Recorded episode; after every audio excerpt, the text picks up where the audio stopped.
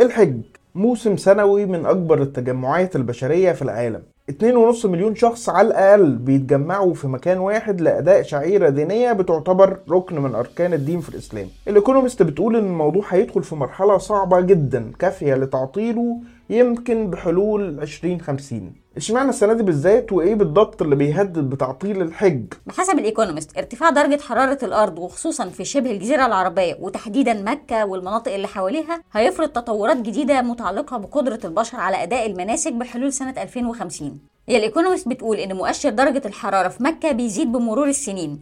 لكن لحد سنة 2040 آه، هتفضل شهور الحج بتبعد عن الصيف وفي الشتاء الأجواء بتفضل محتملة فيها لأن درجة الحرارة بتبقى من متوسط 18 لحد 33 لكن لما شهور الحج بقى تقرب من الصيف وتدخل في الصيف فعلا في 2050 هتوصل درجات الحرارة لمرحلة شديدة الخطورة.